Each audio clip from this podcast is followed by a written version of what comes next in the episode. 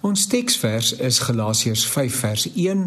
Christus het ons vrygemaak om werklik vry te wees. Staan dan vas in hierdie vryheid en moet julle nie weer onder 'n slawe juk laat indwing nie. Hoe vind 'n mens 'n balans tussen jou individuele vryheid van keuse enerzijds en dit is wat as deel van jou verantwoordelikheid beskou kan word anderzijds? Jesus het ons vrygekoop. Ons is nie meer slawe nie. Die sonde het ons gedefinieer, maar deur Jesus se bloed is daar vergifnis. Ons het nou 'n toekoms en daai toekoms het hier en nou reeds ingebreek. Want ons leef reeds nou vir altyd omdat ons glo dat Jesus die prys betaal het. Ons is vry.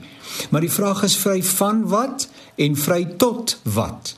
Ja, ons is vry van die sonde en die keuses wat ons en die lewens wat wat ons en die lewens van ander mense negatief beïnvloed het. Daarvan is ons vry. Die Bybel sê duidelik: Moenie julle vryheid misbruik om weer sonde te doen nie. Dienswerk aan mekaar is een manier waarop ons ons vryheid in die praktyk kan uitleef. Ons is vry om ons eie belang te kruisig, die ander voorop te stel en onsself as diensknegte aan te bied. Dit beteken nie dat 'n mens nie na jou eie belange moet omsien nie, duidelik tog nie. Ons bid immers vir ons daaglikse brood. Ons kan ander nie help as ons self nie geëet het nie, want ons deel uit die oorvloed van die genade wat die Here aan ons bewys het. Ons vryheid speel egter ook uit in die wyse waarop ons met die geloofsgemeenskap omgaan waarin ons behoort. Ons het tog beloftes gemaak toe ons deel geword het van die plaaslike geloofsgemeenskap. Nie wetties ingekleer nie, maar doodgewoon is 'n uitdrukking van dankbaarheid teenoor die Here vir sy genade. Platant gestel, ek jy hoef nie kerk toe te gaan om gered te wees nie. Kerk toe gaan in aanstekens. Reg sover. Kerk bring my vir jou nie in die hemel nie. Dis reg. Tog loop daar 'n goue draad dwars deur die Bybel. Geloofsgenote het mekaar opgesoek. Israel het verskeie groot feeste gehad waarin mense as pelgrimsreisigers opgeruk het. Ja, dit was nie elke Sondag nie, maar dit was gereeld.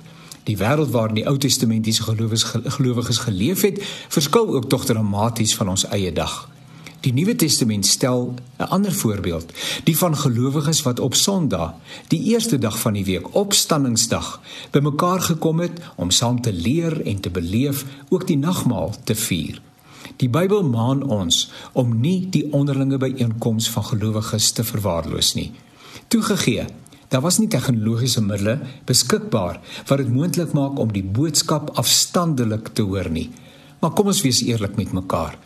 Daar gaan tog iets verlore. Dis duidelik. Jy kan dit wat in die erediens gebeur, die fisiese teenwoordigheid saam met ander gelowiges, kan jy nie reproduseer in 'n aanlyn byeenkoms nie. Sal ons kan ons ons vryheid, die vryheid om die regte keuses te maak, dan nie toenemend in die praktyk begin uitleef nie.